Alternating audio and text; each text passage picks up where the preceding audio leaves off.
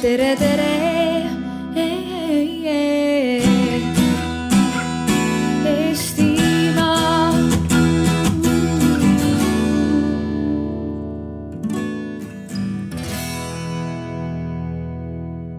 Olgu, alustame.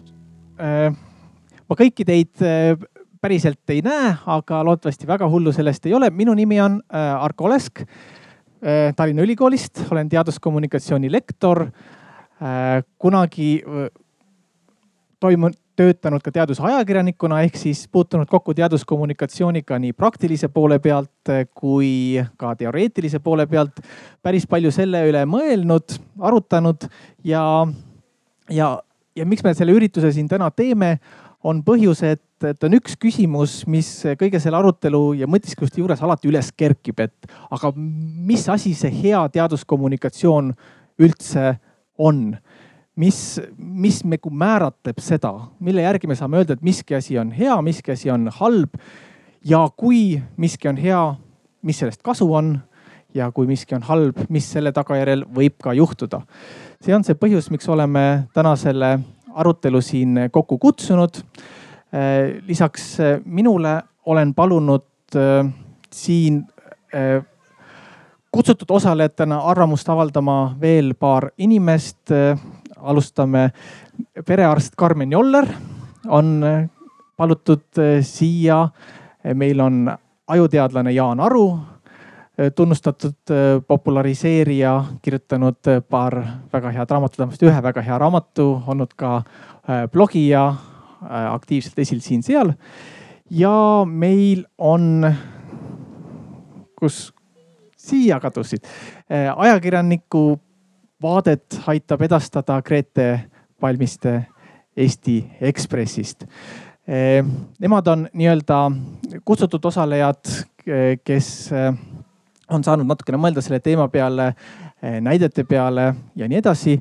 aga sõna võivad saada siin tänase vestluse jooksul kõik, sest, sest keegi ei ole võrdsem kui teine selle kõige jaoks on meil siin üks äh, ringi käiv mikrofon, äh, mida võib vabalt äh, visata, ehk siis täpselt nii, kui keegi saab sõna, siis viskame talle selle mikrofoni ja siia sisse võib vabalt rääkida, seda mikrofoni võib üsna vabalt ka loopida. Ja ma palumegi seda, et räägiks parasjagu see, kelle käes see mikrofon on, sellepärast et kõik see arutelu ka salvestatakse ja pärast saab äh, seda äh, järgi äh, kuulata. aga kõige alustuseks lihtsalt selleks, et saada soe sisse ka, ka mõttevilkuse poole pealt, siis,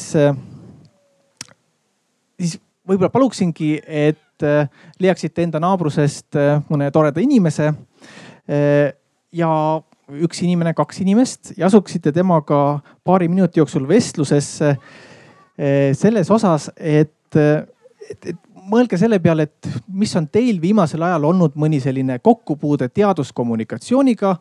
noh, selle all me võime silmas pidada kas vestlust mõne teadlasega, nägite mõnda telelugu, lugesite ajalehest artiklit, nägite kellegi Facebooki postitust eh, teaduse teemadel, käisite kusagil muuseumis, lihtsalt rääkisite kellegiga teadusest mõelge mõnele sellisele juhtumile viimasest ajast ja mõelge selle peale just, et, et kas see oli selles mõttes nagu hea kogemus või halb kogemus. et mis oli selles head, mis oli selles halba ja mis võib-olla teis või maailmas selle kogemuse tagajärjel muutus. ehk siis tuletage meelde mõni, mõni viimase aja näide ja, ja vahetage mõtteid selle üle, et mida see siis kogemus endas sisaldas head, halba ja, ja mida muutus. nii et olge hea, leidke mõni isik enda lähedusest ja arutage. anname selle jaoks kolm minutit.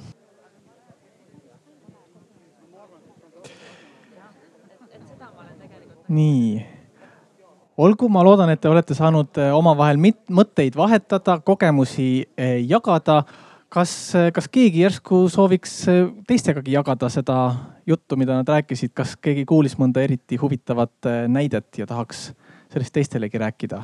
andke käega märku. ma arvan, et no sellised no, näited on alati hea koht, kus nagu alustada seda, seda juttu ja kust nagu liikuma tõmmata, et, et, et keegi, midagi on eriti hinge peal, positiivses mõttes, halvas mõttes, et siis saab jagada. ei ole praegu ma siis äh, võtan äh, selle vabaduse ja, ja lükkan selle ringi käima meie kutsutud osalejate poolt, et Grete, millest teie rääkisite? see ongi mikrofon täitsa, oi on jah ähm,. no minu, ma alustasin sellest, et minu igapäeva hommik algab sellest, et ma sirvin äh, minu meilikasti jõudnud siis mingisuguseid sünopsiseid erinevatest teadusartiklitest, mis hakkavad tulema. ehk et ma iga päev loen äh, natuke paremini või halvemini sõnastatud mingisuguseid pressiteateid näiteks. aga et ähm, seetõttu ma olen nagu hästi selles noh, niivõrd-kuivõrd ma olen seal kogu aeg nagu selles inforuumis või selles kommunikatsiooniruumis. Äh, ja, ja üleüldiselt mul alati teeb rõõmu, kui ma räägin mõne teadlasega, kes on ise hästi entusiastlik nende asjade osas, mis ta teeb. oskab neid hästi lahti rääkida, kaasa mõelda, kuidas seda kajastada võib-olla, kuidas leida mingisuguseid metafoore, mis oleks nagu täpne, mis ei sööks ära ka tema töö tähtsust, onju. et minu, mul on raske tuua nagu ühte sellist head asja välja. ägedad inimesed on need, mis, mis mind ka panevad tahtma tööd teha ehk siis nagu selle teadlase enda nii-öelda sära mm., mis annab tal, annab sellele kommunikatsioonile mm -hmm. siis sellise mm -hmm. hea ja, aspekti võib. võib-olla see on ka see, et ta nagu astub sammu minu poole, et ta ka nagu usaldab seda, mida ma tahan talt küsida. ja, ja et, et see, et meil on, õhk on vahel nagu puhas, et suhelda. viskame nüüd Jaanile. sinu, sinu näide pean tunnistama, et me, meie tüürisime teemast äh, kõrvale ja rääkisime niisama ajust. Äh, palun vabandust. aga kui see mikrofon käes on, siis ma võib-olla lisan siis väikse nupu, et tänasel päeval, eriti viimaste aastate jooksul on ähm, suurenenud see, et teadlased on ohjad enda kätte võtnud ja kasutavad ise meetodeid, et oma teadustöid jagada. ja kõige parem näide selleks on Twitter, kus siis tõesti minu alal siis ajuteaduses ja psühholoogias on paljudel teadlastel on Twitter ja kui neil tuleb mõni töö välja siis nad kohe ise kirjutavad esimese asjana. niimoodi, et praktiliselt on, on näha, et inimestel on juba valmis kirjutatud nagu Twitterite sõnumite järjekord vahel kakskümmend tükki selleks hetkeks, kui see töö siis mõnes tähtsas ajakirjas välja tuleb. ja siis seda Twitteri jada vaadates saab üsna hea, kohati väga naljaka ja mõnusasti läbimõeldud kokkuvõte sellest, mis see töö oli. selles suhtes inimesed teavad, et Twitteris jagatakse huvitavaid asju ja nii jõuab selle teadlase töö väga paljude lugejate ja huvita, huvitatud inimesteni. kes see auditoorium siis ikkagi on, et mul on nagu jäänud mulje, et Twitteris, eks ole, teadlased jälgivad teadlasi. noh, kui sa postitad sinna, siis sinu auditoorium ongi nii-öelda need teised teadlased, kelle puhul sa võid öelda prefrontaalkorteks ja nad teavad täpselt, mis, mille all selle all mõeldakse, mitte see nii-öelda Paide koolilaps, kes võib-olla tahaks ka teada? noh, ma tean, et sa ise oled ka Twitteris, nii et seetõttu sa tead, et päris nii hull see asi ka ei ole, et ikkagi need sõnumid levivad väga kiiresti, eri inimesed on omavahel seotud, nii et ka paljud mitteteadlased äh, satuvad mingisugust äh, teadustviiti äh, säutsu lugema. ja kui teadlane on piisavalt nagu ähm, palju aktiivne või hästi aktiivne, siis tal on ka jälgijaid, kes ei ole teadlased nii et äh, mina oma Twitteri kasutamises näen seda, et tegelikult on väga palju inimesi, kes ei ole teadlased, kes on väga huvitatud nagu teadustulemuste jälgimisest ja ka jagamisest ja kes siis vajadusel ka küsivad juurde. Ja mis seal öelda ka ähm, suurte teadus, populaarteaduslike ajakirjade inimesed jälgivad Twitterit, et meil on olnud, et panin ühe artikli nagu preprint'i ülesse, ühesõnaga see ei ole valmis artikkel, see on nagu äh, esimene versioon. Ja siis meile kirjutas, kirjutas ühest äh, su suurest sellest populaarteaduslikust äh, ajakirjast kirjutati, et räägime sellest asjast. Väga-väga hea näide, aitäh sulle. lennutame selle siis nüüd Karmenile nii, kätte saadud, teie näited. siin just leida Delfist üles oma lemmikuudist viimasel ajal, mis ma olen lugenud, see oli lihtsalt nii geniaalne teadusuudis. pealkiri oli, et viis head põhjust, miks alasti magamine on tervisele kasulik. ma mõtlesin, et no jumal tänatud, et nii lihtsad meetodid, kuidas saada tervemaks, tublimaks ja tugevamaks ja. ja üks äh, argument oli siis seal see, et äh, alasti magades äh, saad sa langetada kehakaalu. noh, mida saab lihtsam olla, onju. ja siis ma lugesin ja seal oli noh ka täiesti geniaalsed sellised faktid, mis vastavad täiesti tõele ja täiesti geniaalsed järeldused nende faktide põhjal. et nagu me teame, siis kui inimene magab, siis ta kehatemperatuuri natukene nagu langeb ja tal hakkab nagu külm natuke, noh, meie võtame tavaliselt teki peale. aga kui sa siis veel riided ka seljast ära võtad, see on eriti külm, energiakulu suureneb, järelikult kehakaal langeb. Et noh, tekist ei olnud seal keegi midagi maininud, aga see oli noh, niivõrd hea järeldus. Ja, ja noh, Briti teadlasi seal mainitud ei olnud, ei olnud mainitud ka Šveitsi või Rootsi sõltumatut instituuti, mis on minu meelest teadusuuringute ühed kohustuslikud osad. et äh, ja, ja kui ühel hetkel ma katsun üles leida selle uuringu või selle uudise või on äkki nad maha võtnud, ma ei tea, ma eile Kuku raadios ka mainisin seda uuringut, et, et, äh, et see jääb üheks äh, klassikaks sellises teaduskommunikatsioonis, mida tehakse siis nendele lollidele naistele, see ilmus Delfi naistekas. et noh, naised tegelikult teatavasti on noh, tahavad ka kaalus alla võtta ja nad ei jaga matsu ka eriti, et, et siis selline lugu. ehk siis näide sellest, kuidas mingi noh on,, ongi mingi selline teaduslik äh, teadmine, aga see käib läbi noh, sellise väga väändunud filtri ja siis moondubki sellisteks ajalehe pealkirjadeks lõpuks. no ja, aga vaata, seal ongi see, et äh, tihti võetaksegi mingisugune teadusuuring ja tehakse sellest niisuguseid absurdseid järeldusi.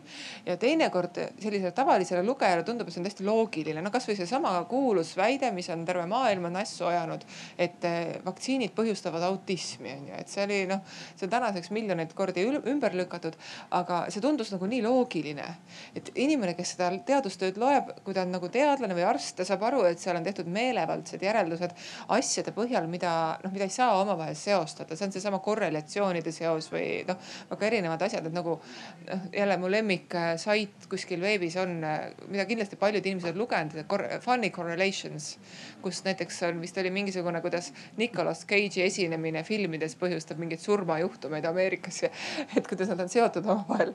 et ähm, noh, ühesõnaga äh, tänapäeval tehakse hästi palju meelevaldseid järeldusi mingisuguste teaduslike päris tõeste faktide põhjal, et see on nagu naljakas ja samas kurb et äh, ühesõnaga me saaksime kommunikatsiooni parandada, kui selliseid järeldusi ei tehtaks. kes neid järeldusi teeb?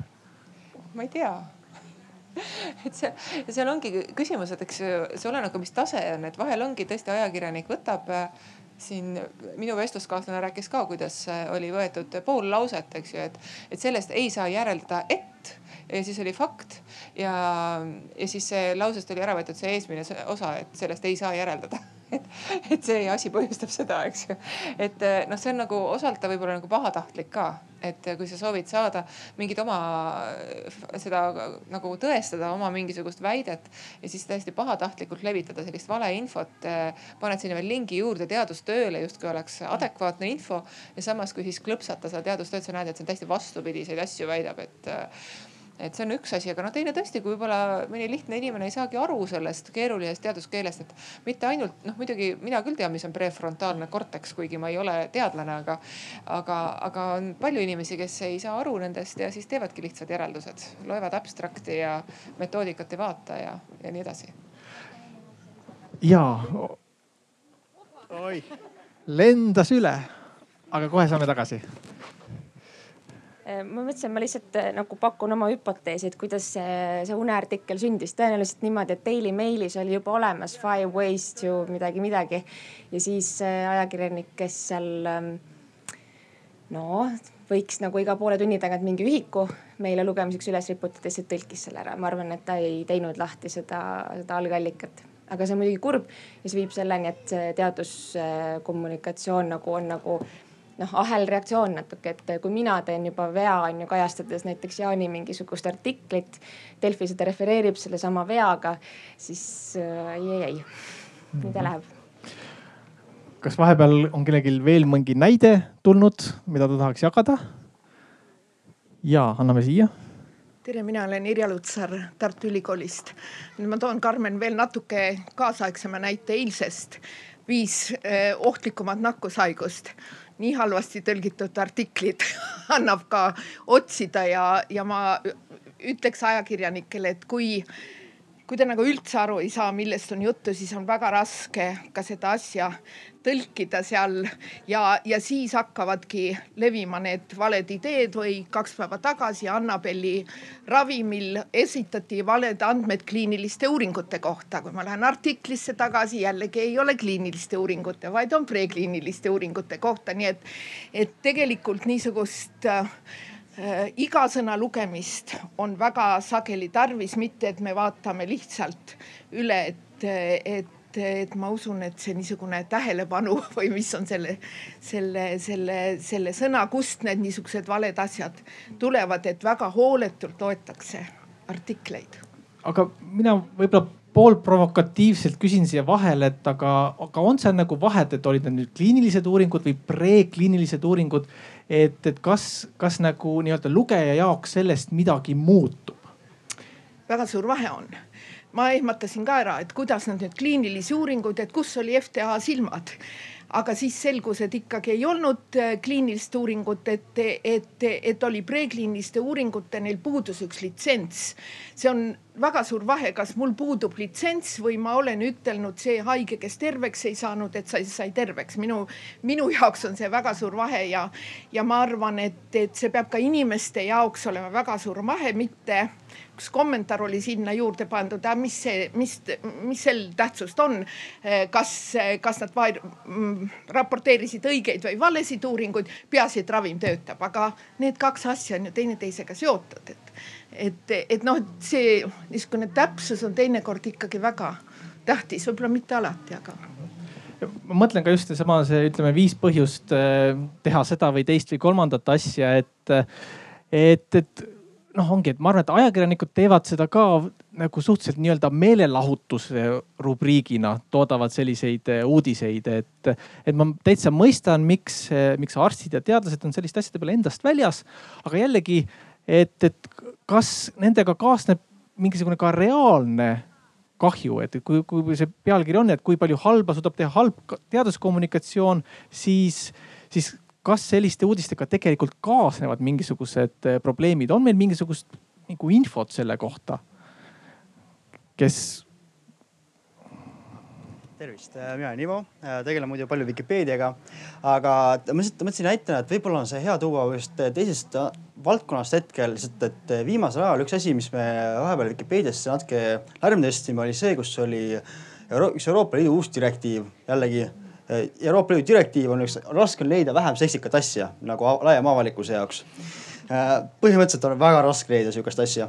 Ja siis äh, jällegi seal see, see selles mõttes selliselt see koht, kus samamoodi äh, ajakirjandus kaasas teemat tegelikult täiesti mööda. Et see sõltus oli mõnes riigis, see asi oli adekvaatne, samamoodi see reaalselt mõjutas päris mitmes riigis väga tugevalt Europarlamendi valimisi, sest need, kes toetasid seda direktiivi, nemad said märkimisväärselt vähem hääli.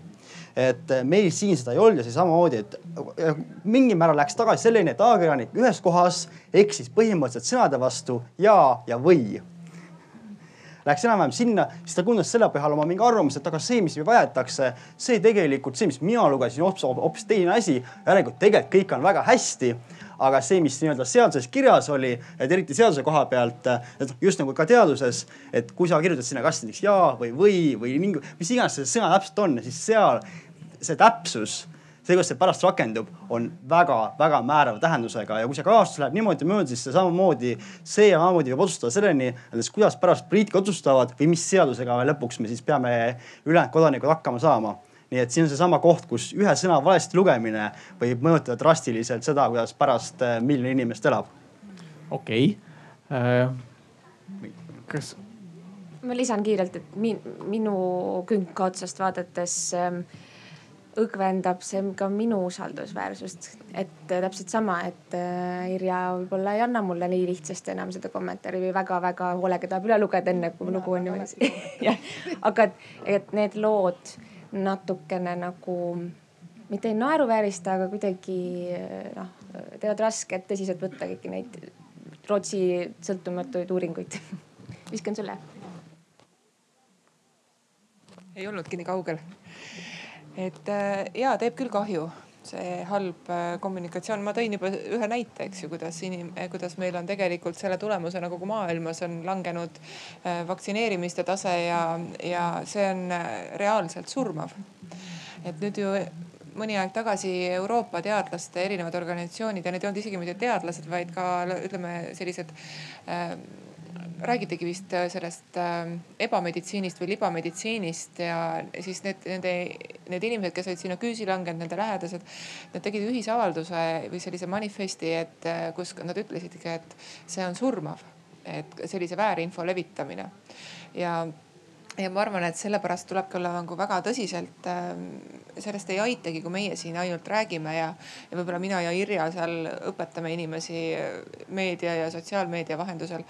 aga, aga tegelikult tuleb riiklikult seda reguleerida ja teha riiklikud programmid, kuidas ähm, me saaksime inimesi, inimestele infot edastada nii, et nad nagu, et see kohale jõuaks, seesama kommunikatsioon. see tegelikult peaks olema riiklikult koordineeritud ja ma loodan, et see saab olema nii aga mis laadi info see siis oleks, et äh, kas igale ühele laekuks kord nädalas postkasti kiri, et ja, vaktsiinid on kasulikud? absoluutselt ja, ja loosung oleks kogu aeg kuskil nagu need ulmefilmides ja võib-olla ka Põhja-Koreas on need propaganda, see kui kõnnid tänaval, siis on vaktsiinid on kasulikud, minge vaktsineerima. et ja noh, see on üks võimalus, aga, aga tegelikult, kui me hakkame guugeldama, siis äh, vaktsineerimist, ütleme, ma saan emaks äh, ja tahan teada, kas ma peaksin vaktsineerima, siis äh, väga sageli on palju rohkem inimene leiab infot äh, selle vastu, et ära vaktsineeri. ja see info on hästi söödavaks tehtud, hästi loetav, ta on nii ilus, ta on nii graafiline. ja siis lõpuks sa võid minna sinna terviseameti vaktsineeri.ee lehele, no tahad ikkagi seda õiget infot. ja seal on sellised tabelid, tabelites on mingisugused võõrad sõnad, no hemofiilus influenza näiteks, kes teab, mida põhjustab hemofiilus influenza? ei teagi, aga poliomüliit ikka teate, onju et noh, seda on natuke rohkem kuuldud, et seal on palju keerulisi sõnu, pneumokokkus pneumoonia näiteks või, või noh, pneumoonia ja no ühesõnaga palju ilusaid sõnu on seal. et õnneks näiteks leetrid ja difteeria, need on nagu eesti keeles kirjutatud. ja siis, kui sa seal klikkad, et noh saada infot siis vaktsiini kohta, siis avaneb vaktsiini infoleht, mis on, mille esimeses osas on arstidele mõeldud info. ja kokku on sada viiskümmend kaks lehekülge ja lõpust kuskil viis lehekülge on patsiendile mõeldud infoleht et ma tegin märkuse Terviseametile ja nad ütlesidki, et osa nad siis saavad nagu ära parandada, et suunata otse patsiendi infolehele. aga osasid ei saa, et noh, see on nüüd selline projekt, ma loodan, et nad võtavad selle nagu käsile. et see, kuidas nagu infot esitatakse, see on hästi oluline et äh, lihtsalt praegu on väga lihtne leida ja väga hea on leida seda vaktsiinivastast infot, mis ja kus ongi pool tõde, pool vale ja see vale on sageli täiesti pahatahtlik ja teadlik valetamine mis on siis need nii-öelda need omandused, mis siis sellel infol peaksid olema, et, et ta oleks nii-öelda konkurentsivõimeline? no näiteks minu üks mõte on, kes tahab nüüd teha äppi, tehke äpp. ma olen seda igal pool rääkinud, keegi ei tule mulle üldse rääkima, et ta tahab teha, aga ma loodan, et äkki keegi siin on, kes tahab äppe teha. et äh, lapsevanematele võiks olla äpp Äh, mis võtab, äh, seda on hästi lihtne teha, sest kogu see info, mis sinna sisse tuleb panna, on olemas. ja teine info, mis tuleks sinna panna, tuleks äh, tõmmata tervise infosüsteemist. Et näiteks ma lähen kuuendal elukuul lapsega perearsti juurde ja siis perearst teeb klikk-klikk, et vaktsineerisin, sisestab pikkuse, kaalu, kõik need asjad ja, ja mis lapse arengus oli hästi ja mis võib-olla tuleks arendada. ja siis mina saan automaatselt plõksti selle sinna äppi endale. ja ma saan igal ajal vaadata näiteks kasvukõveral, et kas mu lapse ka, kehakaal kaal ja pikkus on olnud samad ja, ja mis vaktsiin täna tehti, vajutan klikki on, ahaa, see difteeria, teetanus, läkaköha ja nii edasi. ja ma saan kohe näha, mis kõrvaltoimed, mis mind võib oodata, et kas, et lapsel võib tekkida näiteks palavik kolme ööpäeva, eh, mis kolme ööpäeva jooksul ära kaob. kui see on nii kõrge, siis tee seda, kui see ei ole nii kõrge, tee seda ja, ja noh, ja nii edasi, nii edasi. et see info oleks inimesel nagu lihtsasti kättesaadav, nii nagu on, et me võtame kohe no, pank näiteks, Swedbank, mul, ma olen ise Swedbanki klient klõkk-klõkk-klõkk nagu asjad tehtud, väga lihtsalt on info kättesaadav. et samamoodi me võiksime nagu või siis mingid muud, ma ei tea, takso Uber või Taxify või vabandust, Bolt on ju. et, et need sellised asjad peavad olema lihtsalt kättesaadavad, mugavalt mobiilist, aga praegu sa pead nagu, nagu me armastame perearstidena öelda, et, et, et seda infot kirjutad savitahvlitele kiil kirjas ja viid vankriratastel kohale, eks ju. et praegu on umbes samamoodi see info hankimine tuletan veel kord meelde, et kui keegi mis tahes hetkel soovib äh, kaasa lüüa, siis andke ainult äh, märku ja me lennutame mikrofoni kohale. mikrofon rääkida, et selles mõttes nagu, kui keegi tahab äkki. jah. Peep Nemvalts, olen Tallinna Ülikooli Teaduskeele Keskusest.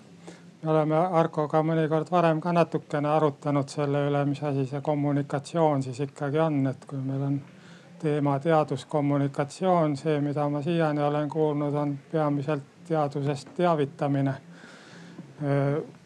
aga sellegi suhtes on tõsi see, mida siin Karmen Joller ütles, et kasutatakse palju ilusaid sõnu jutumärkides, palju võõrsõnu, millest enamik aru ei saa. siis arvatakse, et see jutt on väga tark ja teaduslik veel ja, aga siis tekibki küsimus, et et kas me siin ei võiks nüüd rääkida siis teadusest teavitamisest, teaduse populariseerimisest, aimetekstide kirjutamisest, aimesaadete tegemisest ja nii edasi. et see, mida kommunikatsiooni ehk laiemalt suhtluse all silmas peetakse teaduses, see on ju teadlaste omavaheline suhtlus, teadusajakirjade veergudel, konverentsidel ja nii edasi ja kui me kõike nimetame ühe ja sama sõnaga, e, eriti veel võõrsõnaga, millest üks saab ühtmoodi aru, viies inimene viiendat moodi aru. E, ja see vaktsiinidega seotud jutt oli ju väga hea näide sellest, et ei saada üldse võib-olla aru. et siis võiks mõelda rohkem ka selles teadussuhtluses ja ka teadusest teavitamises selle peale, et meist aru saadaks ja, ja Eestis seda tehes võimalikult eestikeelsena seda teavet teaduse saavutuste kohta edastada. tõsi ta on, et sellised äh, vaidlused selle üle, et kuidas seda täpselt nimetada, mida me teeme, et, et need käivad ja, ja tegelikult seal on ka, et teadus ma kasutan siiski sõna teaduskommunikatsioon, et seal on ka need eri suunad, mis on ühelt poolt tõesti sellest, et kui meil on olemas mingisugused faktid, kuidas nendest siis kõige paremini rääkida. teisalt on ka olemas see suund, et kuidas, kuidas siis nagu paremini kuulata, ehk siis see kommunikatsiooni äh, pool ju, ju samamoodi ja ma arvan, et, et ma ei tea, Karmen, teil on vist ka just seesama kuulamise pool kogu selles protsessis äh, mulle tundub ka väga oluline. ja sest, et äh, noh kommunikatsioonis on nii nagu ütleme üldse igasuguses heategevuses, et kui võtame heategevuse näiteks, et mina noh, mõtlesin, et no näiteks ma küpsetan, mulle meeldib küpsetada, onju, küpsetan sada kaneelisaia ja mõtlen, et no mis ma nüüd siis nendega teen, sadaga, kes neid siis nüüd ära sööb. oh, ma teen heategevust ja lähen viin nad kuhugi mingisugusele, ma ei tea, kodututele onju. aga võib-olla see kodutu ei vajagi neid kaneelisaiu. et täpselt samamoodi peab kommunikatsioonis nagu vaatama, mis selle inimese vajadus on, et mis teda päriselt häirib. ja, ja mis teda nagu äh, takistab seda aktsepteerimast, seda päris äh, noh, teaduslikku fakti, mis teda päriselt meie arvates nagu vähemalt aitaks, eks ju. et mina jah, püüan ka alati kuulata, et mida inimene miks ta nagu no,, miks ta mõtleb äh, või arvab teistmoodi. et miks ta näiteks ei taha võtta vererõhuravimit. et noh, see on äh, noh, näiteks vererõhuravimi puhul ongi tihti see, et aga siis ma pean ju hakkama eluaeg neid võtma ja ma olen haige inimene. et noh, esiteks tuleb selgeks teha seda, et sa võtad seda rohtu või ei võta, sa oled ikka haige inimene, onju.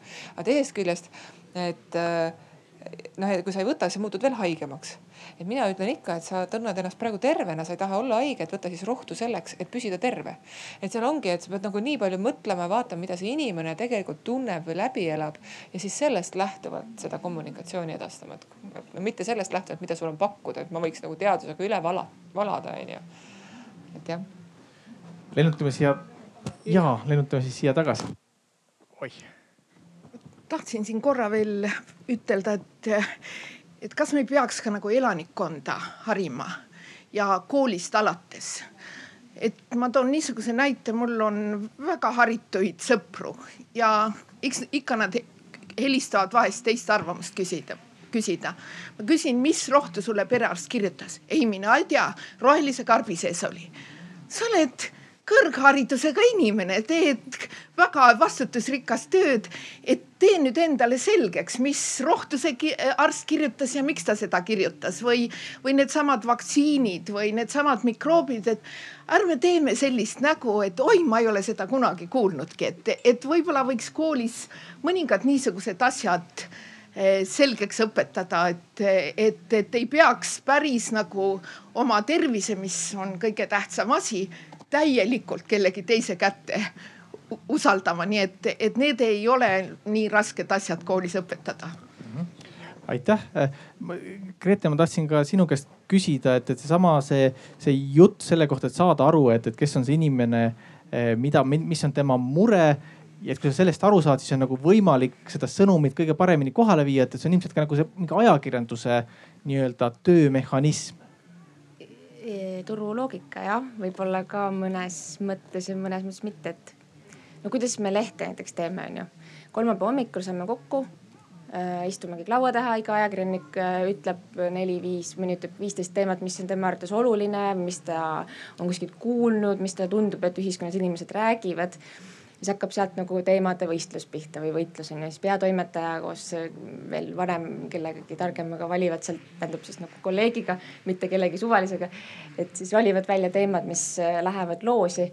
et ähm, ma ajakirjanikuna juba pean äh, sellel hetkel kuidagi astuma võib-olla isegi nagu ähm, selle teadlase poole peale või kaitsma oma teemat, miks see on praegu oluline, miks ma pean sellest niimoodi kirjutama. ja siis tuleb teine raske küsimus, kuidas ma siis seda ikkagi teen? kuidas ma tõlgin kõik needsamad vaktsiiniteemad ära, kuidas ma annan ka sõna kõigile? kuidas ma teen selle noh, kuidas ma pakin kogu selle artikli onju. et see on jah päris keeruline, mis sa küsisid üldse tegelikult ja kui palju sedasama nii-öelda kuulamist eh, selle juures on, et noh, see ongi, et praegu te arutate mm, seal toimetuse mhm, sees mm. -hmm. aga kui sa, kui me räägime nii-öelda arsti usaldusväärsusest, ajakirjaniku usaldusväärsusest, siis, siis kui palju selle juures ongi, on, on see, et, et sa nagu nii-öelda räägid inimestega? Äh, ikka räägid aga samas pead kuidagi nagu, see on mingi sihuke, mm, mingi sihuke amorfne kõhutunne, et sa pead tajuma ära, mis on nagu ühiskonnas praegu see hoovus, millest praegu, kui inimesed tahaksid selgitust saada. no näiteks ähm, äh, suve alguses oli siin teema, et kas tuleb siis kõik rohiaiast ära niita või ei tule, onju. noh, tegelikult ei olnudki ju ka keskkonnainspektsiooni poolt mingit sellist ei-jah keeldu aga kuidagi see spinni selle niimoodi, inimesed ütlesid, mis asja, mina niidan oma kodus palju ma tahan, keegi ei tule mulle ütlema, onju me mõtlesime, et vaatame siis nagu teise poole pealt, et seletame lahti, mis see point seal taga üldse oli, et mis see tähendab, see liigirikkus ja nii edasi. helistan Aveliina Helmile, räägib mulle pool tundi ilusa jutu, väga hästi räägib. paneme lehte, ongi nagu vormistatud, et seda peab kuidagi tajuma jah, mis inimesi võiks on ju huvitada. see läheb ka lehes siis hästi läbi. aga ka see, et ähm,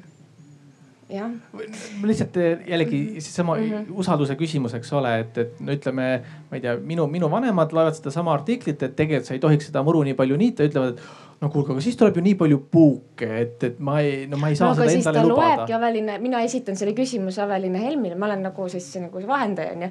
ja Aveline Helm ütleb, et eh, ei tule või et kus nad siis on või mis siis teha onju või et jah, tulevad, aga pange siis puukla sinna endale nagu kuskile tahapoole sinna aeda onju. või et kui sul väike aed, siis loomulikult näed sa ikka lähtu enda tervisest onju, et äh, et ja mingil määral nagu sa seda pead kuulama, et mis on see siis nagu see õige artikkel või see õige kajastus, mis on nagu pikk see varras natukene. et, äh, et ta võtaks siis maha niisugust pinget, võib-olla vastaks küsimustele, ta kindlasti peab vastama lugeja muidu lugeja ei loegi seda onju. Jaan, kui kui sina näiteks oma teadustööst või, või lihtsalt üldiselt mingitest teaduslikest teadmistest äh, räägid, kirjutad nii-öelda laiale avalikkusele, mis on need põhimõtted, äh, millest sina lähtud? esiteks ma üritan mitte olla teadlane, ma üritan, kui ma kirjutan, ma üritan nagu aru saada, et kuidas lugeja seda loeb. kuna ma ise uurin aju, siis ma tean, et kui me midagi õpime, siis see, kuidas me asjad meelde jätame, sõltub alati sellest, millised eelteadmised meil sellest teemast on. seega ma pean seda arvesse võtma, millised on kuulaja eelteadmised.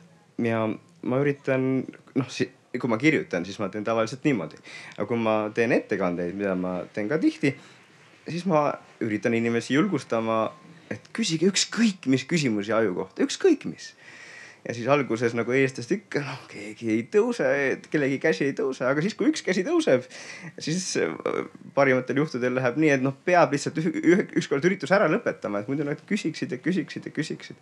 nii et ähm, vähemalt siin aju ja psühholoogia puhul ma näen seda, et ehkki need ei ole päevakajalised teemad, nii et võib-olla Grete, sina näiteks, sa ei näekski kunagi, et inimesi see huvitab. siis kui reaalselt kohal olla, nende inimestega rääkida, siis neil on tohutult väga häid küsimusi aju kohta ja neid huvitab see asi. ma ei tea, kas ma nüüd vastasin, küsi, küsi veel, kui ma ei vastanud seda suuresti. võib-olla tahab keegi teine küsida? ja oota, viskame, viskame sinnapoole selle tervist, et äh, mul, me käisime enne üleval kuulamas, kuidas Hansa Luik ja Marju Lauristin rääkisid väga huvitavalt äh, äh, poliitkommunikatsioonist ja, ja sellest, kuidas tegelikult kommunikatsiooniruum on muutunud natuke sihukeseks võistukarjumiseks. et kas äh, kas teaduskommunikatsiooni puhul võib olla natukene mure selles, et, et kõik peab olema argumenteeritud ja, ja võib-olla lihtsalt ei, ei saa nii palju tähelepanu kui need, kes äh, kõvemini karjuvad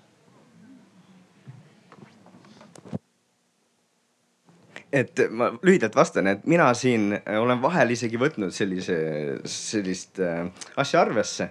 et näiteks ega ma teadlasena ma nii kardinaalselt ei ole nutiseadmete vastu ja ma saan aru, et on ka palju positiivseid äh, aspekte, aga kuna ma tahan jõuda lugejani, siis teinekord ma lasengi nagu ka sellel äh, ajakirjanikul panna selle natukene sellise äh, provotseerivama eh, teema näiteks ja ma teen ise artiklit ka meelega natukene ekstreemsemaks, kui ma ise arvan.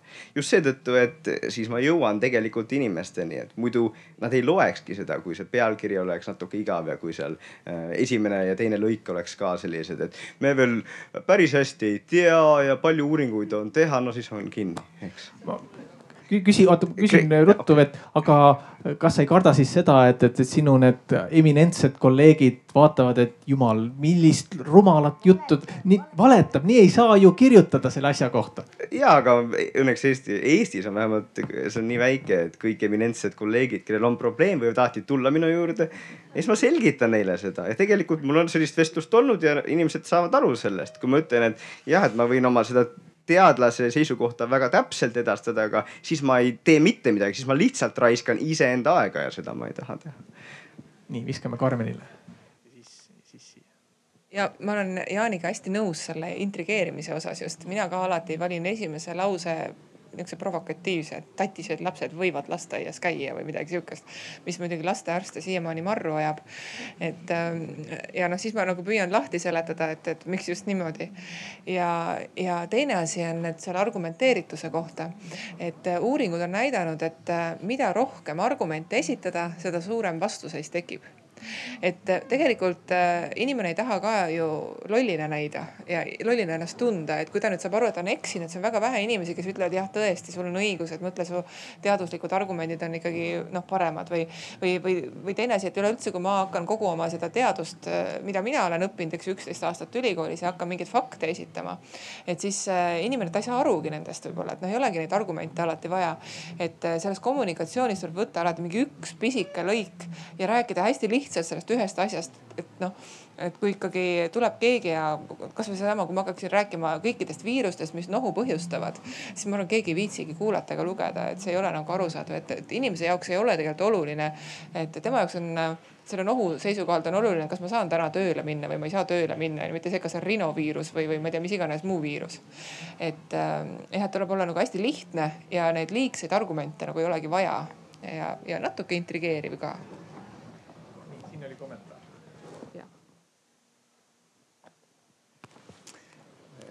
no ma ütlen ka mõne sõna sekka. kokkuvõtlikult ühe sõnaga öeldes on praegu teema kommunikatsioon. kommunikatsioonil on kaks poolt, üks annab, teine võtab. nüüd praegu on see teravik selle pool teaduskommunikatsioon. ühesõnaga teadlane püüab oma asja rääkida nii hästi kui halvasti. aga teisel pool on suur mets kuidas see jutt oli, et, et eh, puude taga ei näe metsa. tähendab eh, nähtavasti siin on üks, üks määrav asi, seesama teine pool. ja seda võiks öelda siis mõne noh, lühidalt. esiteks on sul vastas uskumus. ja kui me nüüd hakkame rääkima kommunikatsiooni ühe uskuja ja teadja vahel oi-oi, siis see on täiesti omaette teema. See ei ole lihtsalt teaduskommunikatsioon.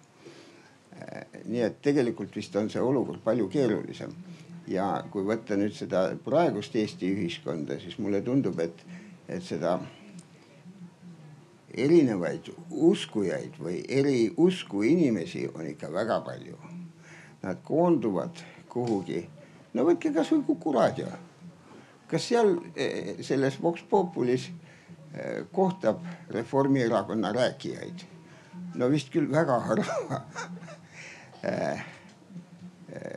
ühesõnaga nad koonduvad kuhugi ühte. või võtame seesama vesi, mis kividest peale kallatult. see on Venemaalt muidugi tulnud, eks ole, see äri. no muidugi rääkimata sellest happe asjast, nii et mm, võib-olla, et ongi teadlase kokkuvõttes teadlase üks missioon neid teise usku pöörata ja see on väga hea teema, mille te tõstatasite, et, tõepoolest igas ühiskonnas on mingisugune protsent nii-öelda neid väga kangekaelseid mingit, mingit teemat uskujat, mis on nagu nii-öelda kas teadusvastane või, või, või mingisugune nii-öelda mitteteaduslik äh, usk, mis neil on. Ja, ja see küsimus ka teaduskommunikatsioonis on alati see, et, et kas tegelikult või no millist kommunikatsiooni on vaja, et neid võib-olla siis panna oma veendumusi muutma ja kas see on üldse võimalik ja, ja, ja see ongi selline nii-öelda miljoni dollari küsimus, et ega kellelgi nagu väga head vastust sellele ei ole või, või on siin keegi, kellel on tuua mõni, mõni hea näide selle kohta, et kus midagi sellist on olnud võimalik. kas keegi on kogenud seda, et kuidas on kellegi meelt suudetud muuta niimoodi teaduskommunikatsiooniga või teaduslike argumentidega? lennutame tagasi et äh, selliseid usklikke ei tasu hakata ümber veenma, et ei ole mõtet. et kui temal on usk ja mina lähen temale vastu teadusega, siis äh, noh, kui me põhineme erinevatel alustel, siis tegelikult ei ole mõtet. ja, ja ei ole, ma arvan, vajadust ka, et kui inimene tahab, meil on usuvabadus, inimene võib uskuda, mida tema soovib. et noh, loodetavasti lihtsalt ja kohe, kohe annan sulle ja, aga meie, meie nagu arstidena pühendume rohkem nendele inimestele, kes kahtlevad ja kes mõtisklevad, et ja siis on küll niimoodi niimoodi, et äh, kui tema jaoks on see teadus on nagu aktsepteeritav ja kui tema jaoks on see oluline, siis nad äh, jah, muudavad küll meelt. aga jah, okei okay,, ma, Jaan, püüa. Äh, see oluline asi, mille peale, mis pani mind kätt tõstma kohe on see, et sa ütlesid, et, et neid usklikke ei pea nagu ümber, et, et noh, mis nendega ikka teha, et las olla. probleem on selles, et mida rohkem inimene midagi usub seda rohkem on ta nõus selle nimel tegema. ühesõnaga need inimesed, kes ajavad näiteks vaktsiinivastast asja, need on need inimesed, kes kõige rohkem seda usuvad. Ehm, ükskõik mis teema puhul on see, et need, kes kõige rohkem, kes panevad oma aega, raha ja nii edasi sellesse, et teha mingeid veebilehti näiteks, et veenda teisi inimesi ükskõik milles ufode olemasolus, vaktsiinide halves, halvades pooltes ja nii edasi need on inimesed, kes väga usuvad sellesse teemasse. nii et äh, mõnes mõttes ma näen siiski, et äh, noh, me peame selle probleemiga tegelema või et see ongi peamine probleem, sest nagu sealtpoolt enne tuli ka kommentaar, et kuna infot on nii palju, siis need, kes kõvemini karjuvad, neid kuuldakse rohkem. ja jällegi kõvemini karjuvad need, kes usuvad rohkem. proovi. vaid-, vaidleme. et ma olen nõus sellega, et peab tegelema aga ma ei ole nõus sellega, et neid peab hakkama ümber veenma. et me oh noh, okei okay,, ma sain, see kommunikatsioon oli siis minu poolt kehv, minu poolt kehv vastuvõtmine ja, ja nüüd hakkame süüdistama ennast. ühesõnaga, et äh, kindlasti peab sellega tegelema, sest et nagu ma juba enne mainisin, et see selline väärinfo, see on surmav tegelikult. et äh, me võime küll mõelda, et näiteks äh, noh, igasugused kristalliteraapiad ja asjad, et need on kahjutud asjad. Nad ongi kahjutud, aga täpselt nii kaua, kuni selle tõttu ei jää hiljaks mõne inimese ravi või, või ta ei keeldu ravist et me peamegi vaatama, et kust maalt see on ohtlik ja, ja siin kuidas siis seda reguleerida, neid nii-öelda karjujaid. et siin saab ka igate moodi, no ütleme kasvõi seesama, et me õpetame inimesi, kuidas eh, eristada in, väärinfot tõesest infost ja nii edasi, neid meetodeid on palju. ja nagu ma ütlesin, see peaks olema süstemaatiline ja riigi poolt koordineeritud töö ma viskan siia üles veel ühe sellise provotseeriva küsimuse, et, et siin ennist nii mõlema teie jutust jäi see välja, et, et noh, et selleks, et nagu tõesti äh, paista välja, saada seda tähelepanu, tuleb äh, nii-öelda teatud asju võib-olla lihtsustada, intrigeerida ja nii edasi.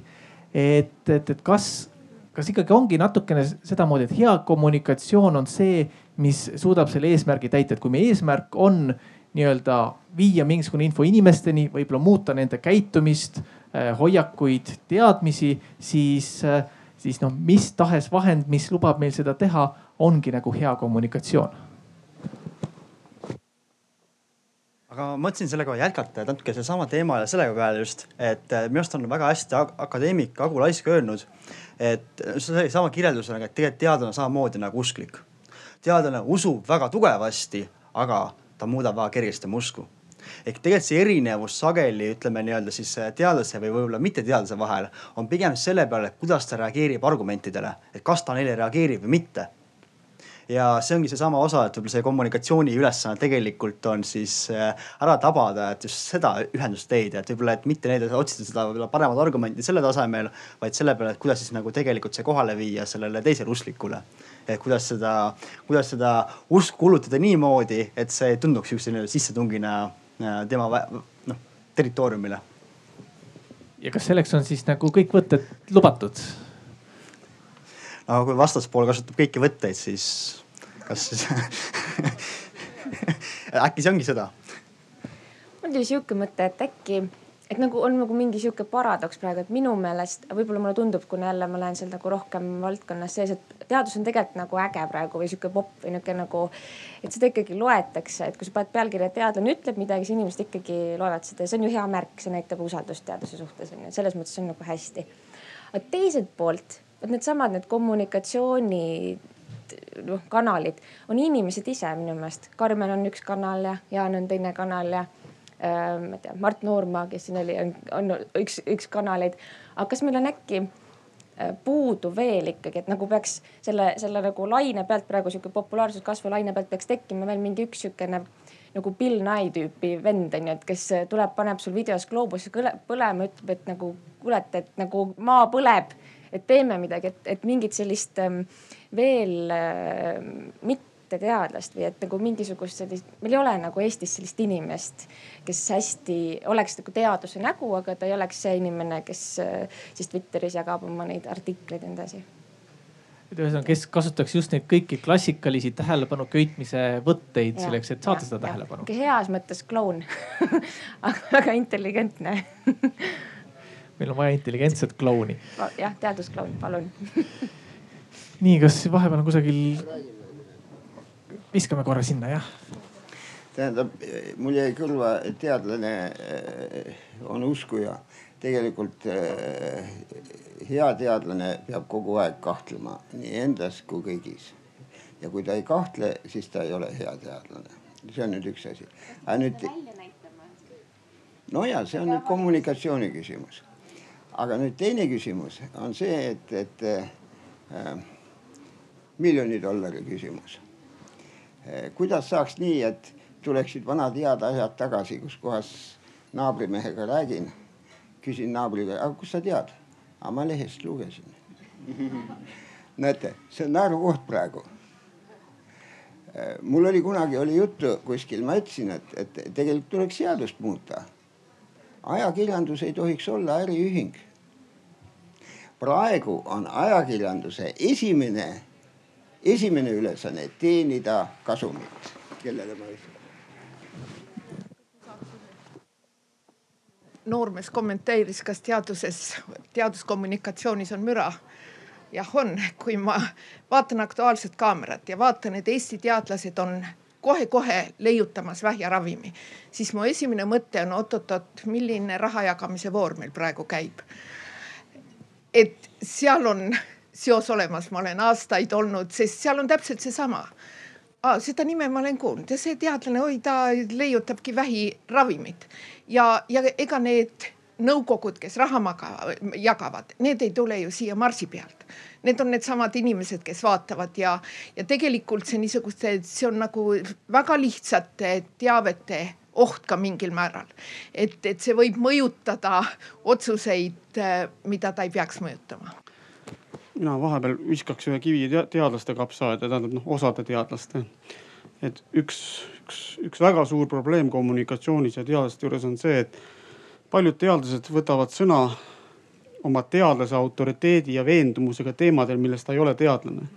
ja see on tegelikult laastab hirmsasti teaduse seda populaarsust näiteks no ma ei hakka nimesid nimetama, aga kliimateemal pidevalt võtavad sõnad isegi akadeemikud, aga nad ei ole selle ala teadlased ja ma lihtsalt ütlen vahele, et eile, eile Postimehe alal oli tegelikult sarnasel mm -hmm. küsimusel just pikk arutelu teadlane meedias, et tegelikult seda peaks saama järele vaadata. ja see sama on arstide kohta, et ikka kui, kui näiteks ma ei tea gümnakoloog hakkab rääkima kõhukirurgiast, sellest ta veel tegelikult võib väga hästi rääkida, aga ajukirurgiast on ju. et siis noh noh, ühesõnaga ta võib e-, väga õiget juttu rääkida, aga ta ei pruugi, et, et tegelikult iga arst peab ka nagu ise tajuma ja iga teadlane peab ise tajuma oma piire, oma pädevuse piire ja nii nagu teie ütlesite, et tegelikult peab alati endas kahtlema. et äh, mind on süüdistatud selles, et ma jätan kogu aeg mulje, et ma nagu arvan, et ma tean kõiki asju kogu aeg ja mul on kõigele vastus olemas. et see ongi sellepärast, et ma aeg kahtlen endas. et ma, kui ma lähen kuhugi avalikult esinema, siis noh, kasvõi võtame seesama, et on nohu, on ju. ma vaatan üle teaduse need igasugused andmebaasid andmebaasid, kas on mingeid uusi uuringuid tulnud nohu kohta või, või nende viiruste kohta, mis seda levitavad või. et kogu aeg hoida ennast värskena, et see eeldab kohe kahtlemist. Ja siis ma lähen ütlen, et noh, et eilsed uuringud näitasid seda, no loomulikult siis ma nagu noh, saan öelda, et võib jääda mulje, et ma arvan, et ma tean kõike, tegelikult ma ütlen, et ma ei tea mitte midagi ja sellepärast ma võib-olla tollel hetkel tean kõike. Sa tead, sest sa vaatad need asjad järele, sest sul endas, endas on need küsimused. just ja teinekord ma vahel vaatan järgi ka need asjad, mida ma arvan, et on täiesti elementaarsed, et taevas on sinine või midagi, tuleb välja, et on roheline. Ähm praegu on see koht, kus, äh, kus tegelikult võiks teha jälle sellise nii-öelda mõtete virgutamise vooru. Ehk siis äh, samamoodi moodustame need väikesed grupid oma, oma naabriga. Ja, ja see küsimus, mille ma paiskaksin õhku, on see, et, et, et arutage omavahel läbi, eh, leppige kokku võib-olla kaks-kolm asja, mis, eh, mis teie arvates peaks sellisel kommunikatsioonil olema, et ta oleks teie jaoks veenev ja, ja usaldusväärne ja noh, nii-öelda kvaliteetne. et eh, tõesti kaks-kolm asja, olgu see siis ajaleheartikkel või sotsiaalmeedia postitus või, või, või vestlus teadlasega, et mis on siis need kaks-kolm asja, millest, mis, mis teie arvates peaks selle kommunikatsiooni juures kindlasti olema, nii et äh, palun teid väike vestlus äh, naabriga paar-kolm minutit ja, ja siis kuulame teie mõtteid.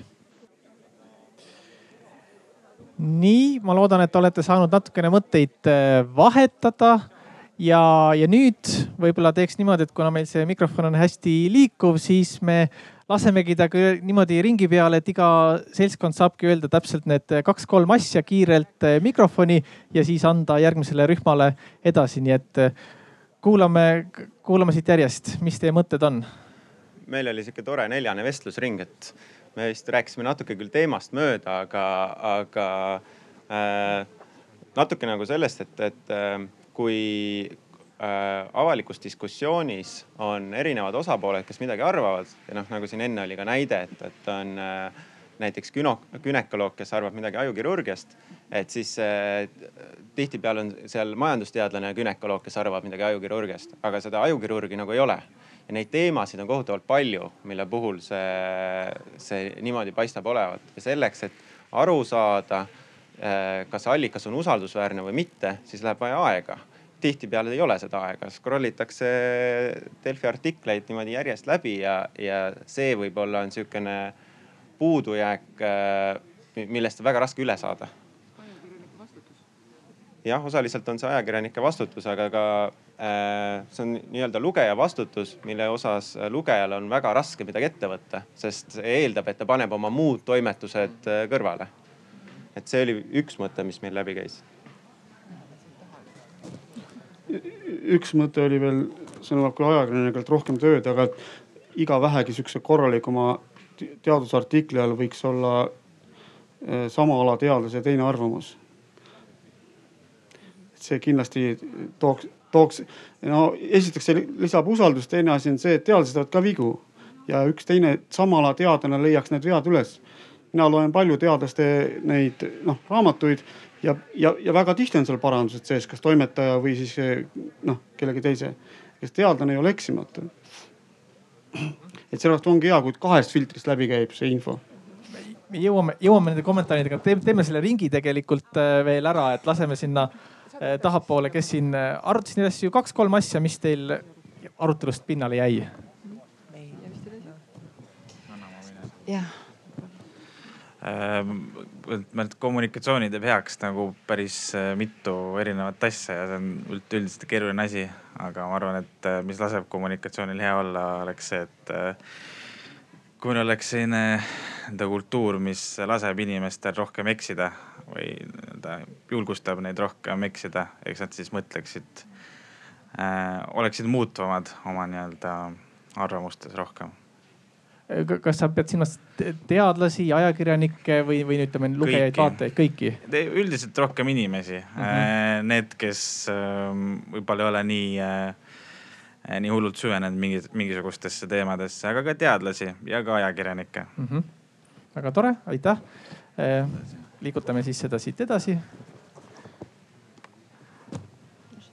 mida te arutasite, rääkige ka me arutasime selliseid võib-olla natukene väiksemaid asju, mis meie jaoks olid olulised, et kui me loeme sotsiaalmeediast või äh, ma ei tea, imelisest teadusest mõnda populaarteaduslikku artiklit, siis äh, meie jaoks oli oluline see, et seal oleksid kindlasti algallikad välja toodud, et meil kui inimestel oleks võimalik ja kasvõi lugeda seda keerulist teadusteksti ähm,. siis meie jaoks oli oluline, et see oleks keeleliselt hästi üles ehitatud, sellepärast et see, kui inimene on reaalselt panustanud selle kirjutamisesse aega, seal ei ole kirjavigusid, vigasid, seal ei ole komavigasid. et see lisab samamoodi sellist, et kui inimene on juba võtnud selle aja ja kirjutanud korralikku teksti, et siis see annab usaldusväärsust juurde. ja kolmanda aspektina me mõtlesime samamoodi, et seal peaks olema mõni teine pool sisse toodud äh, sellesse kirjutisse, aga võib-olla mitte isegi, et äh, et sama ala teadlase vastuargument sellele, vaid pigem just kriitilisest aspektist. et keegi, kas keegi teine teadlane samalt alalt on kritiseerinud näiteks nende metoodikat mingist aspektist või äh, või mingit muud aspekti sellest teadustööd, tööst, mis siis äh, üritatakse äh, avaldada kuskil. väga tore, aitäh. nii. tervist me ka tiba arutasime, aga ma tooksin esile siin arutelus juba kõlanud Karmen Jolleri mõtte riiklikust kommunikatsioonist. et äh, teadusartiklite kirjutajad teevad oma tööd, aga et kuidas siis lugejani võimalikult lähedale jõuda. ma ise olen teinud äh, riiklikku kommunikatsiooni või valitsuskommunikatsiooni justiitsministeeriumis, kaitseministeeriumis ja nüüd rahvastikuministeeriumis, ka rahandusministeeriumis kunagi. ja, ja nõustun härraga, kes ütles, et ajakirjandus ju tegelikult äh, põhimõtteliselt on äri. et ta ennekõike väljastab ja kajastab seda, mis on ka talle äriliselt kasulik ja huvitav. et, et kuidas see riiklik kommunikatsioon siis saaks aitata kaasa teaduskommunikatsiooni levikule ja just selles mõttes, et saaks inimestele kasulik.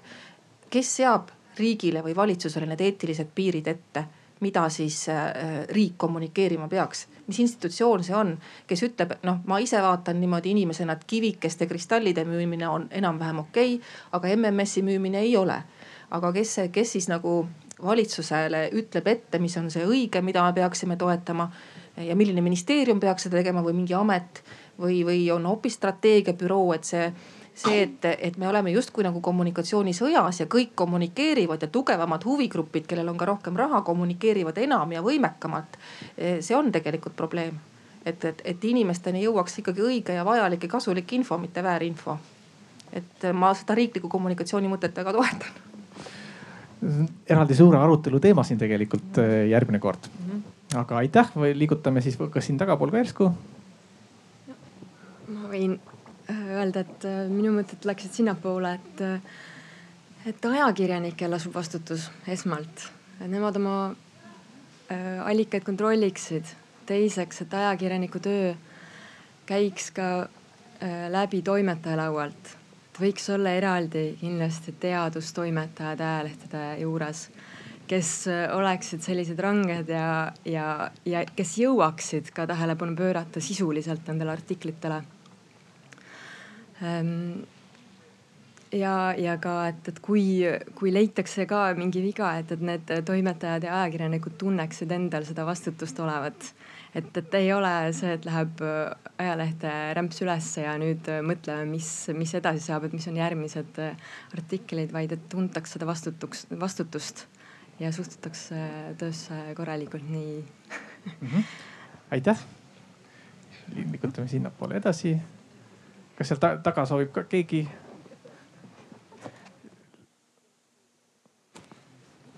Nonii, siit tuli meil, meil nagu kaks mõtet Äh, üks mõte puudutab seda, et hea teaduskommunikatsioon, mm, seal taga peaks olema ikkagi äh, nii-öelda kuidagi, ma ei tea, objektiivne või, või päris eesmärk nagu tegelikult inimesi harida või nende tegelikku teadmist tõsta või seda objektiivset maailma äh, kajastada, et, et, et see mis ei ole ka tingimata alati vale asi või, või, või halb igal juhul, aga, aga et nagu tuleks vahet teha, et teaduskommunikatsiooni tagant ei paistaks liiga palju mõne huvigrupi kõrvasid, kes tahaksid oma sõnumit läbi teadlase poolt antud argumendi ja fakti võimendada. et noh, need on erinevad asjad, need on, neil mõlemal on oma koht, aga nagu neid ei, ei tohiks segamini ajada.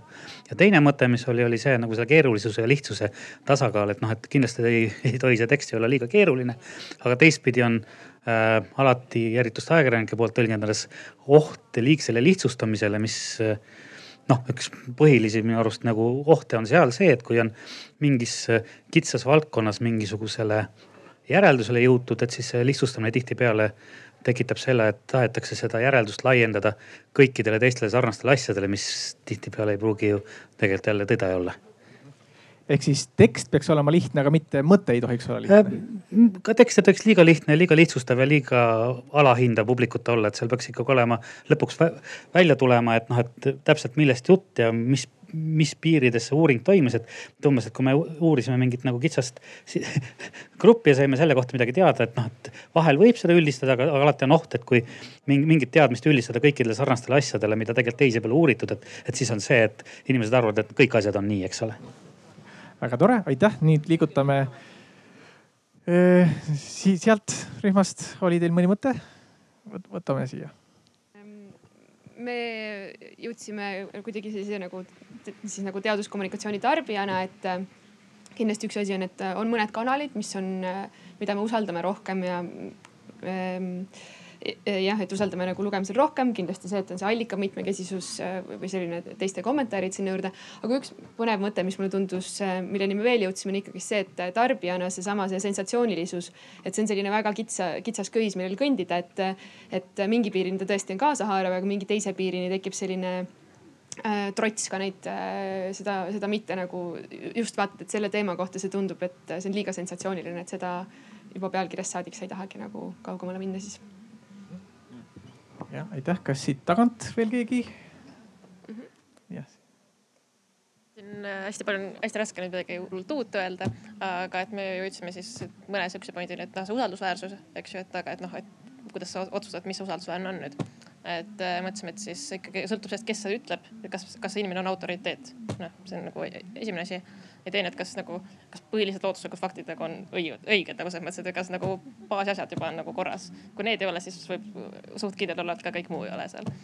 ja siis teine siis, et noh, intrigeerivus, et kas, et kui ma näen seda artiklit pealkirja, sisu natukene, et kas ma tahan seda edasi lugeda ka. ja et siis, et noh, see jaguneb siis, et kas, et kas see nagu äh, mõjutab mu igapäevaelu kuidagi, et ma nüüd seda uut fakti tean või siis, et kas ma sain, kas noh, mu mingisugune maailmapilt mingil määral muutus nüüd. Et ma arvasin, et üks asi on nii, aga sain teada, et tegelikult ei ole. niimoodi, et see noh, jõudsime selliste järeldusteni siis. väga tore, aitäh. siin Saab. oli veel no minul on väga lihtne selline kriteerium, et ma peaks teksti lugedes tajuma, et autor tahab eh, uurida, kuidas asjad tegelikult on, mitte mulle selgeks teha, mismoodi tema usub, et nad on.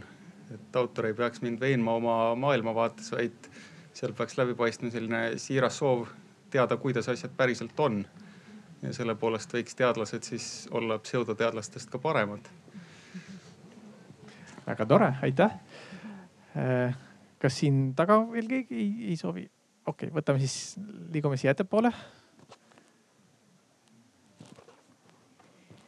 oeh ütles ainus ajakirjanik ringis.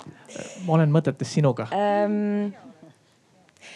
Kus ma siis pihta hakkan? see, et ajakirjandus on äri, ei ole üldse halb asi, sest et ähm, see turuloogika on siiani nagu parim viis, mis on välja mõeldud, mis paneb paika selle et, et me teeme neid lugusid, mida te tahate lugeda suures enamuses.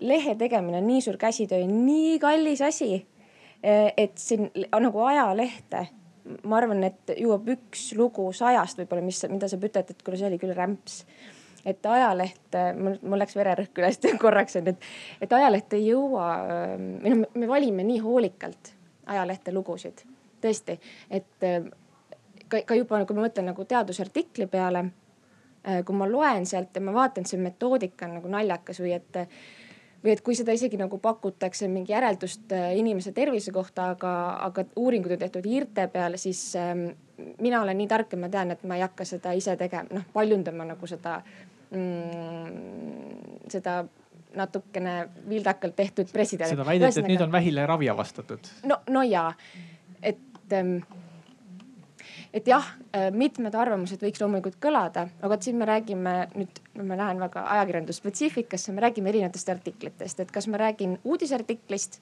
või ma räägin arvamusartiklist.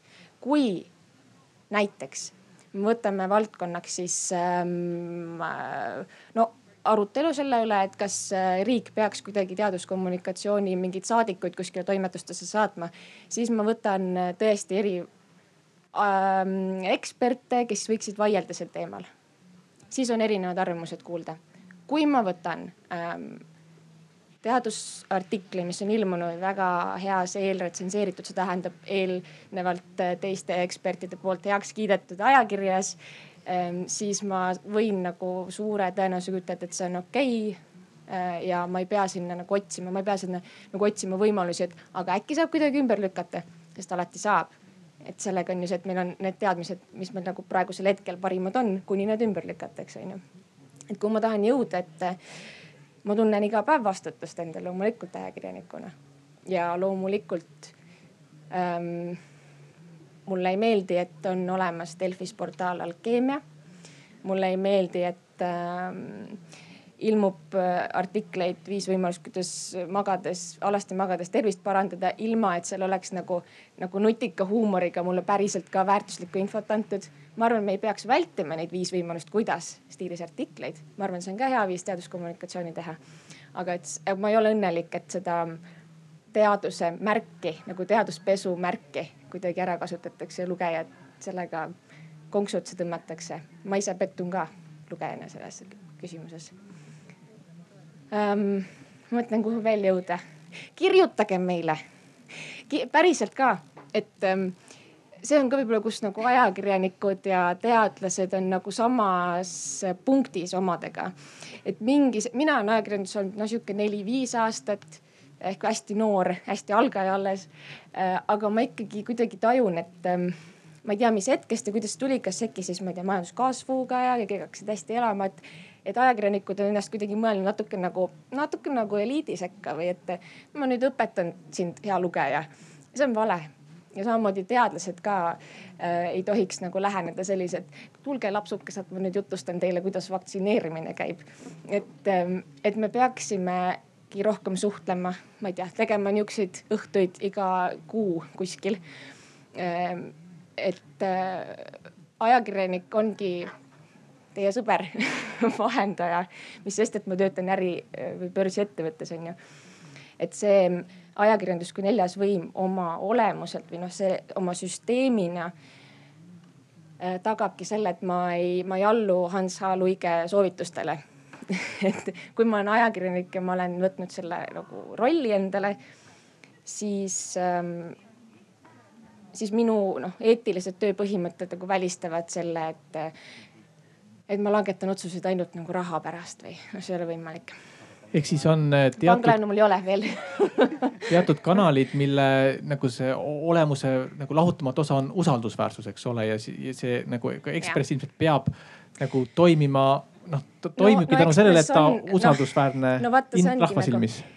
Ekspress ongi nagu sihuke naljakas asi, et ta on päris kollane tegelikult oma pealkirjades ja me vaidleme päris põhjalikult, milline see lööp saab olema, ehk siis see, mida te Selveris räägite, see reklaam või milline see esi, mis on need esiteemad, mis seal väljas on, miks peab ikka palja naise pilt seal olema või mitte olema, me vaidleme nendel teemadel aga me jõuame ikka välja selleni, et me aasta lõpus teeme loetavate artiklite kokkuvõtteid ja Assar Pauluse või teiste mafioosode või äh, äh, õnnetutes, õnnetu saatusega imikute lood on top ühed ja need annavad meile võimaluse teha ka siis lugusid, mis seletavad, miks mesilased peavad aias olema. Äh, viskame selle nüüd sinna ja siis Karmenile. tere, nii on kuulda. Äh, mina olen tudeng, Sille Liismennik on mu nimi äh, ja mul tekkis selline mõte, et et mulle tundub, et me oleme hästi palju rääkinud selle ahela sellest osast, mis puudutab äh, ajakirjandust ja avalikkust või siis seda meediumit ja, ja siis äh, avalikkust. aga et kui minna selle ahela teisele poole, et kuidas teadlane ja näiteks siis see ajakirjandus omavahel läbi saavad. et, äh, et mulle tundub, et teadlasel on eriti Eestis üsna raske elu et, äh, et peab mõtlema sajale muule asjale ja, ja sellele, et teadust teha ja see on niigi raskeks tehtud, eks ole. Ähm, et, et mõelda siis veel selle peale, et kuidas oma teadust äh, populariseerida või populaarteaduslikke raamatuid kirjutada, et on väga tänuväärne, et meil on selliseid inimesi Eestis näiteks nagu Jaan Aru. aga, aga mulle tundub, et või noh, mul on nagu kõrvaltvaatajana see mulje jäänud, et see motivatsioon ei ole just väga kõrge ja, ja sealt tuleb ka see, et äh, kuigi jah, ajakirjanikel lasub äh, suur vastutus, eks ole, sest nemad on need, kes selle sõnumi meile lõpuks äh, kohale kannavad siis mulle tundub, et see koostöö teadlase ja ajakirjanduse vahel on nagu tohutult oluline seal, sest ajakirjandus, ajakirjanik on samamoodi surve all ka selles osas, et ta peab tootma neid klikke ja, ja võib-olla see nii-öelda süsteemist tulenev surve ei, ei survesta teda siis äh, tegemaks selliseid äh, kõige kriitilisemaid otsuseid selle kirjatüki loomisel. ja võib-olla ma tahakski siin küsida pigem seda, et kuidas on või, või et kuidas toimib see teadlase ja ajakirjaniku vaheline koostöö näiteks Eestis praegu? Äh, kas lennutame Jaanile sinu kogemust rääkida näiteks ja siis kuidas see toimib? ei tea, Arko, millal, millal me viimati rääkisime enne seda, kui sa küsisid, et kas äh, arvamusfestivalile tuled, ah? ega noh, nii tihti need ajakirjanikud ka ei kirjuta ja, ja ei küsi. Gret-, Grete on kirjutanud minu pool, minu poolest äh, võiks, et ega siis äh, muidugi aega ei ole ju liiga palju, aga osadel teadlastel vähemalt ja ka minul on ikkagi esmatähtis see, et me saaksime nagu ka rahvast harida. et me saaksime nagu arvamusi muuta ja midagi näidata. nii et mul ei ole ajakirjanike vastu midagi. ma arvan, et ükskõik kust, ükskõik ka millisest sopalehest või täitsa mingist väikesest, väikesest maalehest mulle kirjutatakse ma üritan selle aja võtta ja nagu natukenegi vähemalt midagi vastata. et kui tervet rehkendust ei saa teha, teen pool või neljandik või midagi, aga et alati midagi teen ähm, aga, aga ma saan ainult rääkida, rääkida enda, enda poolt, et ma ei tea, kuidas see, kuidas see teistel on ja siin võib-olla saavad äh, ja kas teised teadlased või ka siin ajakirjanikud nagu Grete veel rääkida, et kuidas on, et kui teadlasele kirjutad, et kas ta alati kohe vastab sulle ja kohe on nõus nagu rääkima pigem ütleb, et ma pean praegu seda granti kirjutama? mina julgen no, iseenda ja oma kolleegide suhtes küll ütelda, et, et, et me ei lükka kunagi tagasi. kui te küsite minu käest kliimamuutustest, siis ma sellele ei vasta, sest ma seda ei tunne. ja, või kardiokirurgiast ma seda ka ei kommenteeri, aga oma erialalt ma püüan ajakirjanikele alati vastu tulla ja mul ei ole ausalt öeldes mitte ühtegi halba kogemust ajakirjanikud on alati olnud äh, nõus saatma selle artikli, mida, mis mulle ei meeldi väga, on kirjutamine, siis ma oleks ajakirjandusse läinud, kui ma ei taha kirjutada, aga ma rääkida võin, et, et me helistame ja pärast te saadate selle artikli ja, ja, ja kui see ei ole tõesti pärast keskööd, siis, siis ma püüan selle läbi lugeda ja, ja, ja kommentaarid teha, nii et ja ma tean, et minu osakonnas teised inimesed teevad sedasama, et, et see nagu kindlasti, kindlasti ei ole põhitöö, aga, aga me seda teeme, teeme hea meelega ja teadlase elu nüüd nii raske ka siin ei ole, no mina saan kommenteerida, et tegelikult selliseid Jaani ja Irja suguseid teadlasi tuleb meil järjest juurde, et tegelikult teadvustatakse seda vajadust äh, tõesti suhelda, olla avatud ja, ja tehakse kõiksugu koolitusi, et anda neile neid oskusi, aga, aga tõsi on ka see, et tõesti ütleme sellised ülikoolisüsteem, rahastussüsteem väga ei soosi praegu seda, et sa saaksid aega pühendada äh, kommunikatsioonile nii palju, kui võib-olla tahaks ja vaja oleks. aga lennutame nüüd lõpuks ometi Karmenile. oih. lõpuks. Ühesõnaga, mida ma tahtsin, ma kõigepealt küsiksin, et äh, tõstke käsi, kes, kelle meelest äh, Õhtulehest võib lugeda häid terviseuudiseid. Üks, kaks, kolm, neli, mõni üksik? Ja minu käsi ka püsti muide no paljud on lugenud Õhtulehte, aga miks nad ei loe, eks ju, kui so, noh, kes ütles, et kollane leht ja ma ei tea. aga tegelikult ma ütlesin, et Õhtulehe kvaliteet, ta on küll kollane ajakirjandus, seal võib lugeda nõid-naast ja neid nõuandeid armastuse leidmiseks ja, ja erinevaid asju, eks ju. aga nii palju, kui mina olen Õhtulehega koostööd teinud või, või siis ükskõik millise muuga, nagu Jaan ütleb, siis tegelikult ajakirjanikud on ääretult vastutustundlikud. Nad on noh, väga vastutustundlikud ja mul on olnud ka selliseid Äh, juhtumeid, kus ajakirjanik küsib mingi asja kohta ja ma ütlen, et tead, et äh, ma võin vastata ja vastangi, aga parem on, kui me seda teemat ei käsitleks, sellepärast et, äh, et see ei ole inimestele kasulik ja nad ei lasegi seda. noh, kuigi neil on mu vastus olemas, kõik on olemas ja nad ütlevad, okei okay,, ma panen selle kõrvale, et me seda ei käsitle niimoodi et äh, minu meelest on ajakirjanikud, ajakirjanikud väga vastutustundlikud. nüüd küsimus teadlase, arsti ja ajakirjaniku koostöö kohta, mida mulle on ajakirjanikud ise öelnud, on see, et arstide käest on kohutavalt raske saada vastuseid veel kirjalikult kuidagi raadiosse veel, aga telesse, no nad ei tule. esiteks on ajakirjanikud teadaolevalt hagijad. Nad teevad, hekseldavad kõik puruks ja, ja sa lahkud sealt nartsuna onju. et ma olen veetnud päris palju aega selleks, sellega, et tõestada, et tegelikult nad on päris tavalised inimesed, et neil on vaja nagu rääkida nagu patsiendiga põhimõtteliselt, et kui te patsiente ei karda, et miks te siis ajakirjanikku kardate onju, et seal. et ja noh, seda, et arstid on, arstide suhtes ollakse ikkagi sõbralikud, sest arstid reeglina kurja ei taha. ma ei saa isegi öelda reeglina, vaid nad üleüldse ei taha kurja. me ikkagi tahame inimest ju aidata, et oleks hästi ja valitsusele võiks nõu anda eksperdid, ekspertkomisjonid. et sellesama Irja on meil immuniseerimise ekspertkomisjoni liige ja, ja nii edasi, et tegelikult äh, eksperdid on oma nõuandeid andnud ja neid tuleb siis lihtsalt ka kuulata, et see kuulamine on vahel muidugi kallis, eks ju, aga pikas perspektiivis tasub ta ära ja mul üks väike punkt veel, mis äh, on äh, siin ka natuke kõlanud on, et mina arvan ja tema arvab ja kolmas arvab. Et teaduses tegelikult nagu arvamus, arvamisest ei saagi väga palju rääkida, et on faktid. et ma kas tean või ma ei tea. ja sageli need äh, nii-öelda alternatiivteadlase, teaduse pooldajad ütlevadki, aga mina arvan ükskõik, mida sa ütled, aga mina arvan, et see ei ole nii. ja ei olegi mitte midagi vastata, et see seal kas on või ei ole, noh kohati, no muidugi teadus ei ole mustvalge, aga me ei saa ka ainult nagu ainult arvamustele, me peame ikkagi argument, enamus asju ikkagi argumenteerima faktidega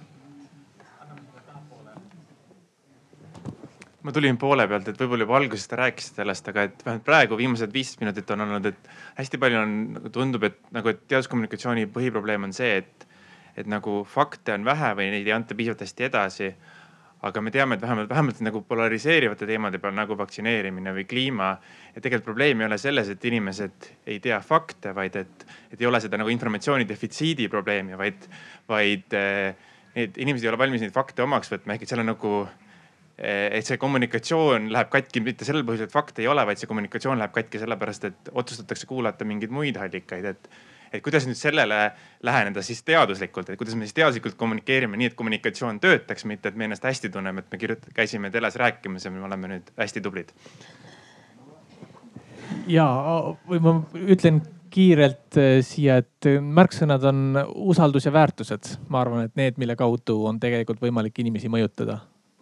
aga jah, kuulame teist vaatenurka ka see oli väga hea äh, ettepanek või küsimus, üldse siin on nii palju tarku mõtteid, et on väga raske midagi juurde lisada. aga ühte ma ütlen, et, et tegelikult ettepanek ajakirjanikele siin sai välja öeldud ja ma arvan, et see on küllaltki oluline. Äh, ajalehtedes, ajakirjanduses on sisuliselt äh, kahte tüüpi teaduslikke artikleid. ühed on arvamusartiklid kus kaks teadlast võivad täiesti vastupidiselt no ütleme mitte arvata, aga, aga vastupidiselt rõhuasetust panna. ja tavalugejale see on täiesti erinev, tema näeb seal konflikti. üks asi ja teine äh, teadusartikli tüüp on teavitamine. mismoodi, kuidas rattad ringi käivad. muidugi veel üks asi, mis ma nüüd mõtlesin, kui ma kuulasin inimesed peavad arvestama, et teadlased on ka inimesed. ja nad ei ole mitte aus, äh, tähendab, äh, kui nüüd jah, nüüd ausalt öelda, siis nad ei ole ka kindlasti pühakud. ja üks niisugune näide tuli välja see aasta tagasi, see mm, tselluloositehase lugu, kus üks Tartu teadlane võttis sõna, üks Tartu, Tallinna teadlane. muidugi noh, see kogu see tselluloosi lugu oli niisugune, et seda tehast muidugi ei tohtinud ehitada, seepärast et Emajõgi oli ju nii must. kõige suuremad ütlejad olid muidugi kõige populaarsemad teadlased. nagu Marju Lauristin, kellest ma väga lugu pean, aga mm, mis oli minule väga tähelepanuväärne, oli see, et kui see küsimus sai lahendatud, et tehast ei tule, siis muutus Tartu Emajõgi päris puhtaks. Eh, selle kohta muide tuleb eh, tänavuses inimarengu aruandes artikkel selle kohta, et kuidas eksperdid osalesid selles tselluloosi debati arutelus, nii et see peaks ilmuma nüüd aasta, aasta lõpus. aga kuna meie aeg on tegelikult eh, läbi saanud, siis viimase ringi ma meie kutsutud osalejate juures veel teeksin selle, eh, selle küsimusega, mis tegelikult sai pandud sinna arutelu pealkirja, et et kui ikkagi me jõuame selle olukorrani, et see teaduskommunikatsioon on hea ja tore ja kõik need asjad, mis siin said välja toodud, saavad lahendatud et mis siis meie ühiskonnas tegelikult muutub, kui palju head ta suudab äh, korda saata, mis teile tundub, et, äh, et mida me siis tegelikult suudame kõige sellega teha, kui me teeme head teaduskommunikatsiooni? Karmen. oih. mul on äh, kohe esimene kiusatus öelda, et and they lived happily ever after. et noh kui inimesed võtaksid kuulda, eh, ehk üks asi on, eks ju, me saame, et nad saavad aru, mis me räägime, et tuleb näiteks eh, tervislikult toituda ja kui nad võtaks ka päriselt kuulda ja hoiaksidki oma kehakaalu korras ja toituksidki tervislikult, siis noh, Eesti rahvas on kindlasti tervem ja õnnelikum rahvas. et eh, teadus on ikkagi inimeste huvides ja teaduskommunikatsioon peab sedasama olema. aitäh, Jaan mina arvan, et üks asi, mis ähm, oleks tähtis nii ajakirjanikele kui ka teadlastele öelda, on see, et mina vahel näen, et või, või, või näengi seda või arvangi seda, et meie ühiskonnas on probleemiks natuke see, et inimestele on väga kindlad arvamused ja nad on väga valmis nende arvamuste eest võitlema, ähm, arvamuste eest surema, eks. ja ma arvan, et mida teaduskommunikatsioon ehk tänasest päevast edasi Eestis võiks paremini teha, on see, et me üritame mitte nii väga müüa neid üksikuid teadustulemusi, vaid rääkida rohkem sellest teadusest kui protsessist ja anda edasi seda ideed, mis siin ka korra kõlas, et teadlased on ka muidugi usumehed ja neil on ka oma arvamused, aga nad on valmis oma arvamust alati muutma. et ma arvan, et kui me edaspidi viiks massidesse seda mõtet, et tugevus ei ole mitte see, kui sa oled alati oma arvamust kaitsmas, vaid tugevus on see, kui sa julged ja oskad oma arvamust muuta, siis see oleks vast üks päris hea samm edasi. Ja ma arvan, et seda saaksid teha nii teadlased, mina olen seda nüüd oma viimastes ettekannetes alati rõhutanud, kui ka ähm, teadusajakirjanikud, kes saaksid seda lugu natuke teistmoodi edasi anda, rohkem anda selle teadlase, protsessi ja nende muutuvate arvamuste kohta. tore, aitäh ja Grete ähm,? laiendan Karmeni mõtet niimoodi, et poliitikud saaks aru, et riik saab rikkamaks, kui inimesed on pikemalt terved, kulub vähem raha sotsiaalsüsteemis ja riik saab rikkamaks. või siis saab suunata raha mujale, näiteks teadusesse. Aga kui kõik õnnestub, siis teil on hästi palju huvitavaid asju lugeda ähm, tahate osta neid asju, sest et te tunnete huvi ja te teate, et see, mida, kuhu te raha kulutate, on seda asja väärt. ja ma arvan, et on selline tervislik uudishimu jääb ühiskonda, et ega arvamused ju ära ei kao, et me, see oleks ju täiesti igav ühiskond, kui kõik oleks sihuke hall mass ja jah, ma nõustun, jah, ma nõustun, et. Aga ma arvan, et võib-olla need arutelud oleksid sama sõbralikud, kui täna siin on olnud kõik sellega ma saan ainult eh, nõustuda, et meil on olnud väga sõbralik arutelu ja ka väga põnev arutelu. Eh, tänan eh, Karmenit, Jaani, Gretet, aga ka kõiki teid, kes te kuulasite, vahepeal kaasa mõtlesite, rääkisite. loodetavasti tuli siit mõnigi hea mõte teile koduteele kaasa. aitäh